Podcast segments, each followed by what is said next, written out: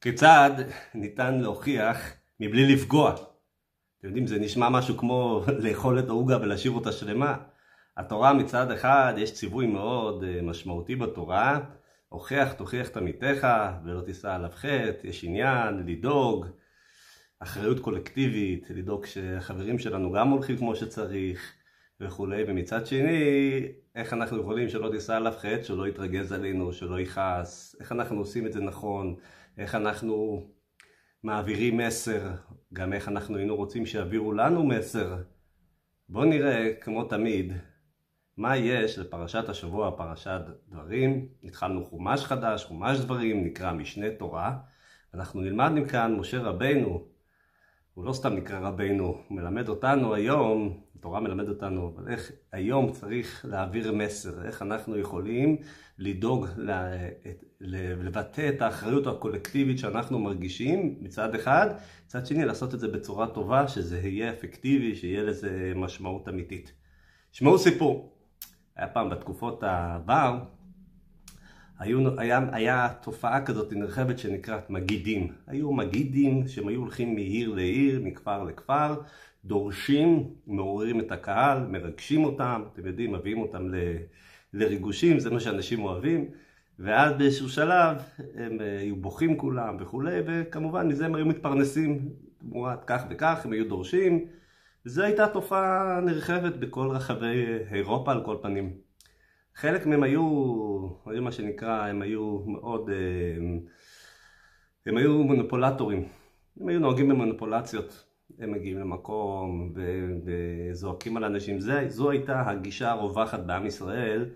היום זה נשמע לנו כל כך מופרך, כיוון שדרך הבעל שם טוב כל כך הונחלה, עד כדי כך שזה כבר היום נשמע לנו כאילו מה, מה אתה מחדש לנו, אבל הדרך של כולם לעורר כביכול את הקהל לתשובה וכולי, היה לפתוח עליהם את שערי גיהנום. אם אתם לא תחזרו בתשובה, ואם אתם לא תתעוררו, ואם אתם לא זה, ואלוקים יושב עם הבוט חמש קילו, מחכה לדפוק לכם את זה בראש, כן חלילה, וממש, וסדום ועמורה, דמעו צבועים, ואש וברד, גופרית, זו הייתה השיטה הרווחת בעם ישראל, ומה קרה כתוצאה מכך? אנשים התרחקו, מסתכלים על אלוקים כמשהו מאיים, התורה ומצוות זה משהו גרוע, זה משהו שנושא בחובו אה, המון רוע, המון אה, כעסים, המון רוגזים וכולי וכולי, וזה הרחיק מאוד מאוד את המון העם, עד שהגיע הבעל שם טוב והוא חידש שיטה ששוב פעם היא כל כך הצליחה עד כדי כך שאפילו לא יודעים שזה היה חידוש של הבעל שם טוב, שהקדוש ברוך הוא כמו אוהב כל יהודי, וכל יהודי הוא כמו בן יחיד שנולד לאבא לעת זקנותו וכולי וכולי. זה חשוב לדעת את זה דווקא בימים האלה, שבועות האלה, שלושת השבועות, שאנחנו נכנסים השבוע, למשיח לא הגיע לראש חודש, לתשעת הימים. חשוב לזכור את זה, וזה יגרום לנו לא סתם לתת עוד דרשה ועוד רעיון על אה, אהבת חינם, אהבת חינם ושנאת חינם וכולי, אלא באמת להרגיש את זה. אבל שם טוב מלמד לנו שכל יהודי הוא אצל הקדוש ברוך הוא כמו בן יחיד שנולד לעת זקנותו. בכל מקרה, בוא נקצר קצת.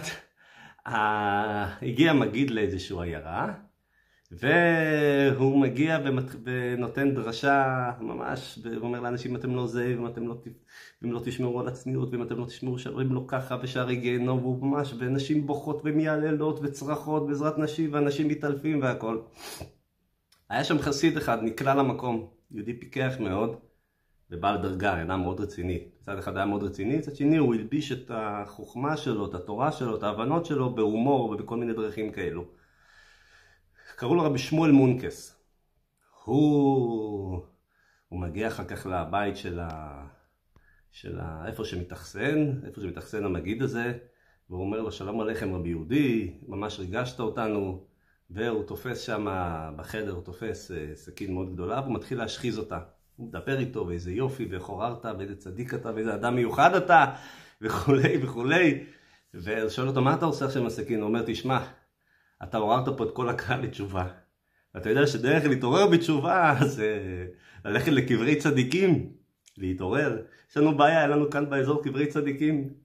החלטתי שאני, כן, אני, אני אעביר אותך לעולם שכולו טוב, נקבור אותך פה, ככה יהיה לנו קברי צדיקים, מישהו שיכפר לנו על כל העבירות, יתפלל עלינו לפני הקדוש ברוך הוא, ירומם את הכל. ובנו הוא לא מבין על מי הוא נפל, מי זה המג'נון הזה. הוא מתחיל, כן, כן, שמואל מונקס, כן. הוא מתחיל, מה אתה מדבר? מה? לא, לא. לאט לאט הוא מתחיל, לא תשמע, אני לא כזה צדיק, אני פעם עשיתי ככה ופעם עשיתי ככה, ואני לא כזה מתנהג יפה עם המשפחה ועם החברים. לא, שמואל אומר לו, לא, עזוב, זה בסדר, בשבילנו אתה מספיק צדיק, והוא ממשיך וממשיך, אז הוא מתחיל לפתוח את כל, את כל, ה, את כל המכסה שהיה לו, את כל, ה, את כל השק של שרצים שהוא נושא מאחוריו. אז יוסו שמואל, אז אתה ככה, ואתה גנב, ואתה שקרן, ואתה רמאי, ואתה שודד, ואתה מגיע פה וצועק על אנשים, תתבייש לך, תסתלק לך עכשיו מכאן. שלא תעז לפתוח פה וללכלך, להגיד מילים לא יפות על יהודי. הוא גילה שבאמת, מי שמעז להגיד מילים לא טובות על יהודי, הוא בעצם אומר מה שהוא. אז זה אולי יכול להישמע כבדיחה טובה, זה סיפור יפה, אבל זה באמת מבטא את העניין כולו. בואו נראה בפרשה, הפרשה אמרנו מתחיל אלה הדברים, זה מתחיל מאוד מעניין. החומש הזה הוא נקרא משנה תורה. למה הוא נקרא משנה תורה? כיוון שבו משה רבינו כבר הוא אומר, לא, אם עד עכשיו בחומשים הקודמים היה וידבר השם משה אמר וידבר השם, מדבר בני ישראל, מדבר וכולי, כאן משה בעצמו כביכול אומר. עד כדי כך שיש כאלה שאומרים שזה בכלל היה, שזה אפילו היה צריך להיות שייך לנביאים במידה מסוימת, כבר, זאת אומרת, מי, מי, מי חומש דברים, הכל זה נביאים, שור, שופטים, שמואל וכולי. זאת אומרת, משה כביכול יותר ויותר אומר את זה מעצמו, ויש על כך הרבה דיונים. עכשיו, אז הוא מתחיל ככה, הוא, מה, מה קורה כאן? מה, מה, מה הסיטואציה? בני ישראל הולכים להיכנס לארץ. משה רבינו עשה איתם את כל הדרך הארוכה הזאת, עשה איתם את כל ה-42 מסעות האלה.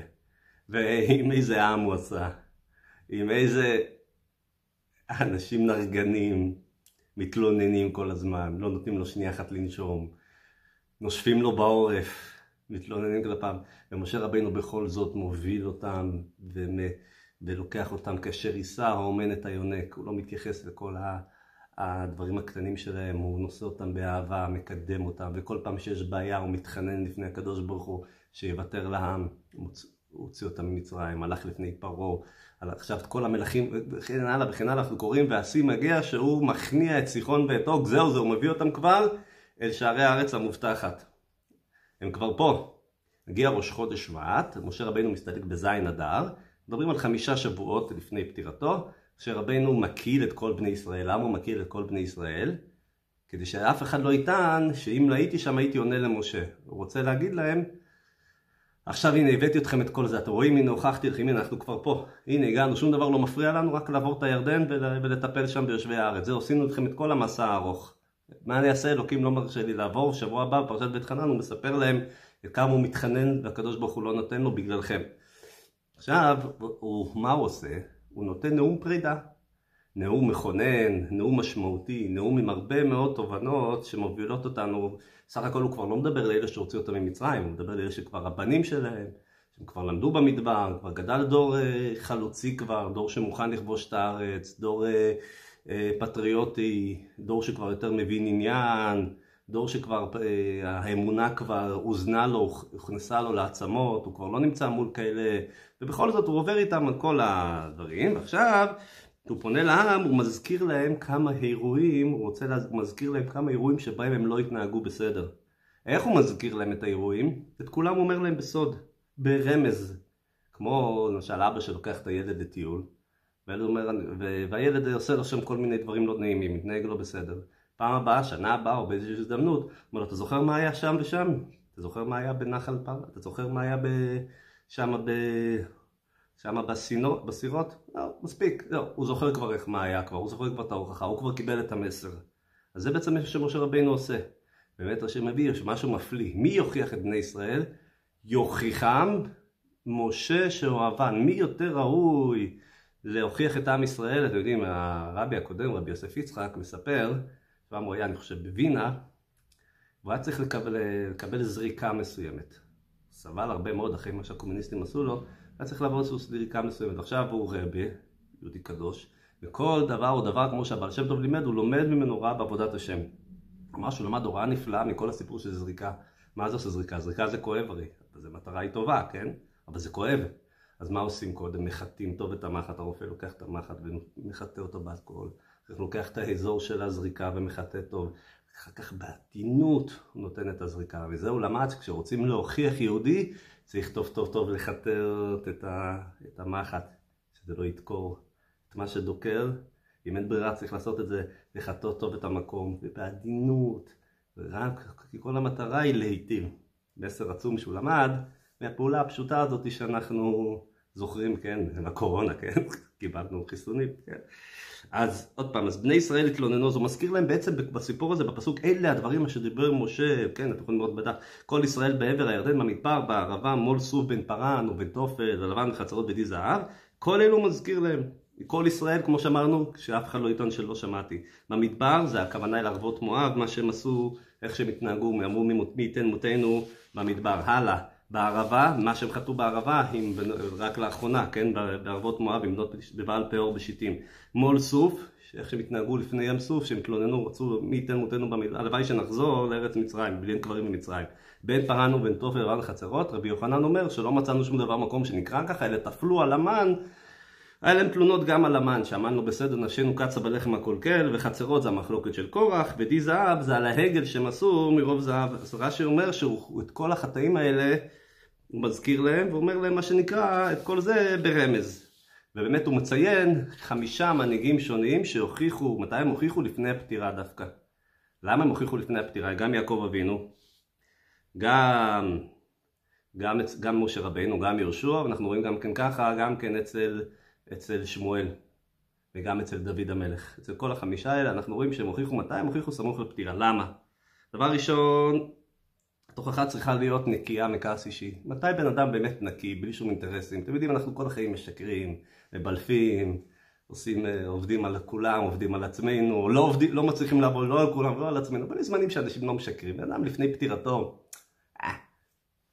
בן אדם נורמלי לא, לא, לא, לא ישקר לפני הפטירה, הוא אומר את הדבר, את האמת. לפני הפטירה בן אדם יכול להוכיח ולהיות נקי מה שנקרא, לראות את האינטרס של הבן אדם שמולו בלי שום משהו אגואיסטי, כן? זו הוכחה אמיתית שמה שנקרא, דבר שני שהם לא יתביישו ממך יותר, אתה יודע, יש פעמים שאתה מוכיח בן אדם שקרה לך משהו לא נעים ואתה מסמיק כשאתה רואה את הבן אדם. עכשיו הם כבר לא יתביישו כי הוא יודע שהוא הולך ל- ל- לקפל ציוד וכבר מי שהוכיח אותו, זאת אומרת יעקב אבינו שמוכיח את ראובן, יודע שכבר ראובן אין לו מה להתבייש, כיוון שראובן כבר לא יראה אותו. אז לכן זה פחות, זה כבר גם פחות בעיה. עכשיו, כל, כל הגדולי אומה שהוא אומר, כמו שאמרנו, את, אה, את יעקב וכולי, ואת שמואל וזה, והאחרון כמובן בהם זה דוד. אז מה אנחנו לומדים מכל זה? אה, אנחנו לומדים שצריך מתי להוכיח כש, כשזה, כשזה אמיתי, שזה טהור, שזה לא יפגע. שזה לא יגרום לבן אדם להרגיש לא נעים. מתי זה הם עשו את זה? דווקא העיתוי שהם עשו את זה זה עיתוי ש... שלא, שלא יפגע בהם ולא יגרום להם להרגיש לא נעים. אנחנו רואים גם כן למשל לגבי המקושש, הגמרא אומרת מי היה המקושש, מי היה האבא של צלופחד, אומרים שזה היה המקושש עצים. מתי הגמרא אומרת את זה? רק 2,300 שנה אחרי הסיפור. אז רוצים ללמוד מי זה היה, מי זה היה אבא של צלופחד שבחטאו מת. אז כבר אין כבר אה, נכדים של צלופחד, נינים של צלופחד, מי יודע מי בכלל הצאצאים של צלופחד? זאת אומרת, צריך להיזהר, לא, להג... לא לפגוע במקום. אנחנו לא רואים שכשדיברו על צלופחד בן חפר בחטאו ימות, אנחנו לא רואים שפירטו שום דבר, זה לא לבייש את הבנות שלו, את הנכדים שלו, את הלידים שלו, את מי שלא יהיה. אז גם כן חשוב, חשוב גם כן, כמו שאמרנו, העיתוי, חשוב להיזהר כשה... כשהפצע טרי. כשהפצע טרי להיזהר, לא לבוא, אה, אמרתי לך, או הזהרתי לך, נכון, אני כן, אני אמרתי לך, זה מה שנקרא, אל תנחמהו בשעה שמתו מותה לפניו, זה לא הכוונה רק כשהמת לפניו. בן אדם קורא לו צער, אתה אומר לו, מה, אני הזהרתי אותך, ואמרתי לך, ודיברתי איתך. טקט, כן, יש אינטליגנציה רגשית, יש דברים שהם, אה, שהם אה, אי אפשר להסביר אותם, זה אם מי שיש לו אינטליגנציה רגשית יש לו, תשאלו כל אחד שלא עלינו ישב שבעה, מגיעים תמיד אנשים, ממה הוא נפטר, איפה הוא היה, בן כמה היה, למה נפטר, ולמה שמתם אותו בבית רפואה הזה, ולמה לא שם. אה, אה, אי אפשר, איך זה נקרא, אי אפשר לברור, לברור ראש, אי אפשר לברור. יש אנשים, צריך להפעיל. זאת אומרת, מתי להוכיח, למצוא את ההזדמנות, מתי להוכיח, לא בכל הזדמנות. איך להוכיח, ודאי לא כשהפצע טרי. ועוד משהו מעניין שאנחנו יכולים ללמוד מזה, זה שאנחנו לא תמיד יכולים אה, אה, לפעול כמוהם. כן, אנחנו נדע מתי נמות. שוב יום אחד לפני מיתתך אומר בפרקי אבות, אז השאלה מאיפה תדע מתי תמות, אז הרעיון הוא שכיוון שאתה לא יודע מתי תמות אז תחזור כל יום בתשובה, כיוון שאולי אתה, חד ושלום, אנחנו עדבי מדביקים והשם מנוקרם, תורה שלנו תורת חיים, אנחנו מדברים על חיים, אבל תמיד טוב לחזור בתשובה, אנחנו לא יודעים מתי נמות, אז מתי, מתי לעשות את זה? איך נדע היום להוכיח? בוא נצא קצת עם משהו פרקטי ביד. אז אין כמו סיפור להעביר מסר. רבי זושה מניפולי, רבי זושה מניפולי היה מהתלמידים של המגיד ממזריץ', חבר של בעל התניא, היה לו אח מפורסם מאוד, רבי אלימלך מליז'נסק. רבי אלימלך ורבי זושה היו שני אחים, האחים הקדושים מליז'נסק, האחים הקדושים רבי אלימלך ורבי זושה, רבי אלימלך מליז'נסק ורבי זושה מהנפולי. דווקא על ספר התניא יש הסכמה מרבי זושה, ו... וכשהוא היה רוצה להוכיח מישהו, הוא היה מלא סיפורים נפלאים על אהבת ישראל הגדולה שלו, אהבת ישראל הבלתי סופית שלו, והיה רוצה להוכיח מישהו, איך הוא היה עושה? הוא היה מגיע לידו, באיזשהו מקרה מוצא תואנה ומתחיל לפרט את החטאים שלו, למה אני מתנהג ככה, זו שאלה למה אתה ככה, זו שאלה למה אתה לא מכבד את ההורים שלך וכולי וכולי, היה מדבר בעצם לעצמו, ואדם ליד שומע ואומר וואו, אם הוא מוכיח את עצמו, אם הוא אומר, אם הוא מכריח את עצמו, אז הוא מתעורר, הוא היה מתעורר ככה, אבל הוא לא היה מתבייש. אותו אחד היה מתעורר, זאת אומרת, הוא היה מעביר את המסר, אבל בצורה מכובדת, בצורה ראויה, שתגרום, אז איך אנחנו נדע? לפני שנוכיח את החבר, שלא נהיה כמו המגיד הזה. שלא נהיה כמו המגיד הזה, שאנחנו נהיה נגועים בזה, ש, שזה, שזה יהיה בעצם ביטוי של הרוע שלנו, שאנחנו מוצאים את הדרך להוכיח אחרים כדי לבטא את ה... לא סתם הבעל שם טוב אמר שהזולת הוא הראי, כל אחד מסתכל אז מה, לא נראה מה שרע באחר? אם יש משהו שדרוש תיקון, אם אנחנו ראינו, זה כדי שאנחנו נתקן אותו. לא כדי ש... אה, זאת אומרת, אין עניין שנסתכל ברע שיש אצל מישהו אחר כמטרה לעצמו. אם במקרה ראיתי שיש משהו שדרוש תיקון, אז סימן שיש בי את זה במשהו, או נמצא בי, אני אתעורר את זה בי, וכמובן ככה נצליח לאט לאט למצוא את הדרך עם טקט, עם אנושיות, עם אכפתיות, עם אהבת ישראל, לחטוא טוב את המקום לפני הדקירה, כן? ואז בדרך עדינה, בלי להיות, אה, אתם יודעים, איזה יועץ ככה, שמע, אני לא רוצה להגיד לך, אבל, לא רוצה להתערב לך, אבל ככה וככה וככה. אלא למצוא את הדרך לסייע, להגיד, שמע, לראות איך העניין הזה בך. והאם אתה קודם כל באמת אכפת לך מהשני. אם זה, אתה עושה את אותו דבר באהבת ישראל אמיתית, הבן אדם ירגיש את זה, וככה אתה תופיל, תפיק תועלת ארוכה, תועלת אמיתית. אז כל זה, זה כל כך חשוב, כיוון שבימים האלה אנחנו מדברים עוד פעם, עוד פעם על אהבת ישראל, ועוד פעם על אהבת חינם, ועוד פעם על נגד שנאת חינם, והדברים האלה הם עוד פעם, זה דרשה יפה לשלושת השבועות. אבל לא, אבל בלי אהבת, אבל בלי שאנחנו, אהבת חינם זה אהבת חינם. זה לא גם את מישהו שמעצבן אותנו ומרגיז אותנו ויושב לנו על הראש. וכל הסיבות בעולם, ואפילו נראה לנו שהוא רחוק מהתורה, ובטח אפשר לשנוא אותו, המפגין הזה, והאיש הזה, והזה וזה, לא, אהבת חינם, רק עם אהבת חינם, אנחנו, מה שנקרא, באהבת ישראל נביא את הגואל, יהי רצון, שיהפכו ימים אלה, עוד לפני שנגיע לתשעת הימים, לפני שנגיע ל- ל- עוד לראש חודש, ואחרי כן לתשעה באב, יהפכו לאסון שמחה לימים טובים, יגיע תשעה באב, אנחנו נגיד תשעה באב שמח, חזון ישעיהו, אנחנו נקרא בשמחה. וכן הלאה וכן הלאה, ויהי רצון שיהפכו ימים אלה לששון ולשמחה ולמועדים טובים, ועם הרבה אהבת ישראל נזכה לביאת משיח צדקנו, אמן ואמן.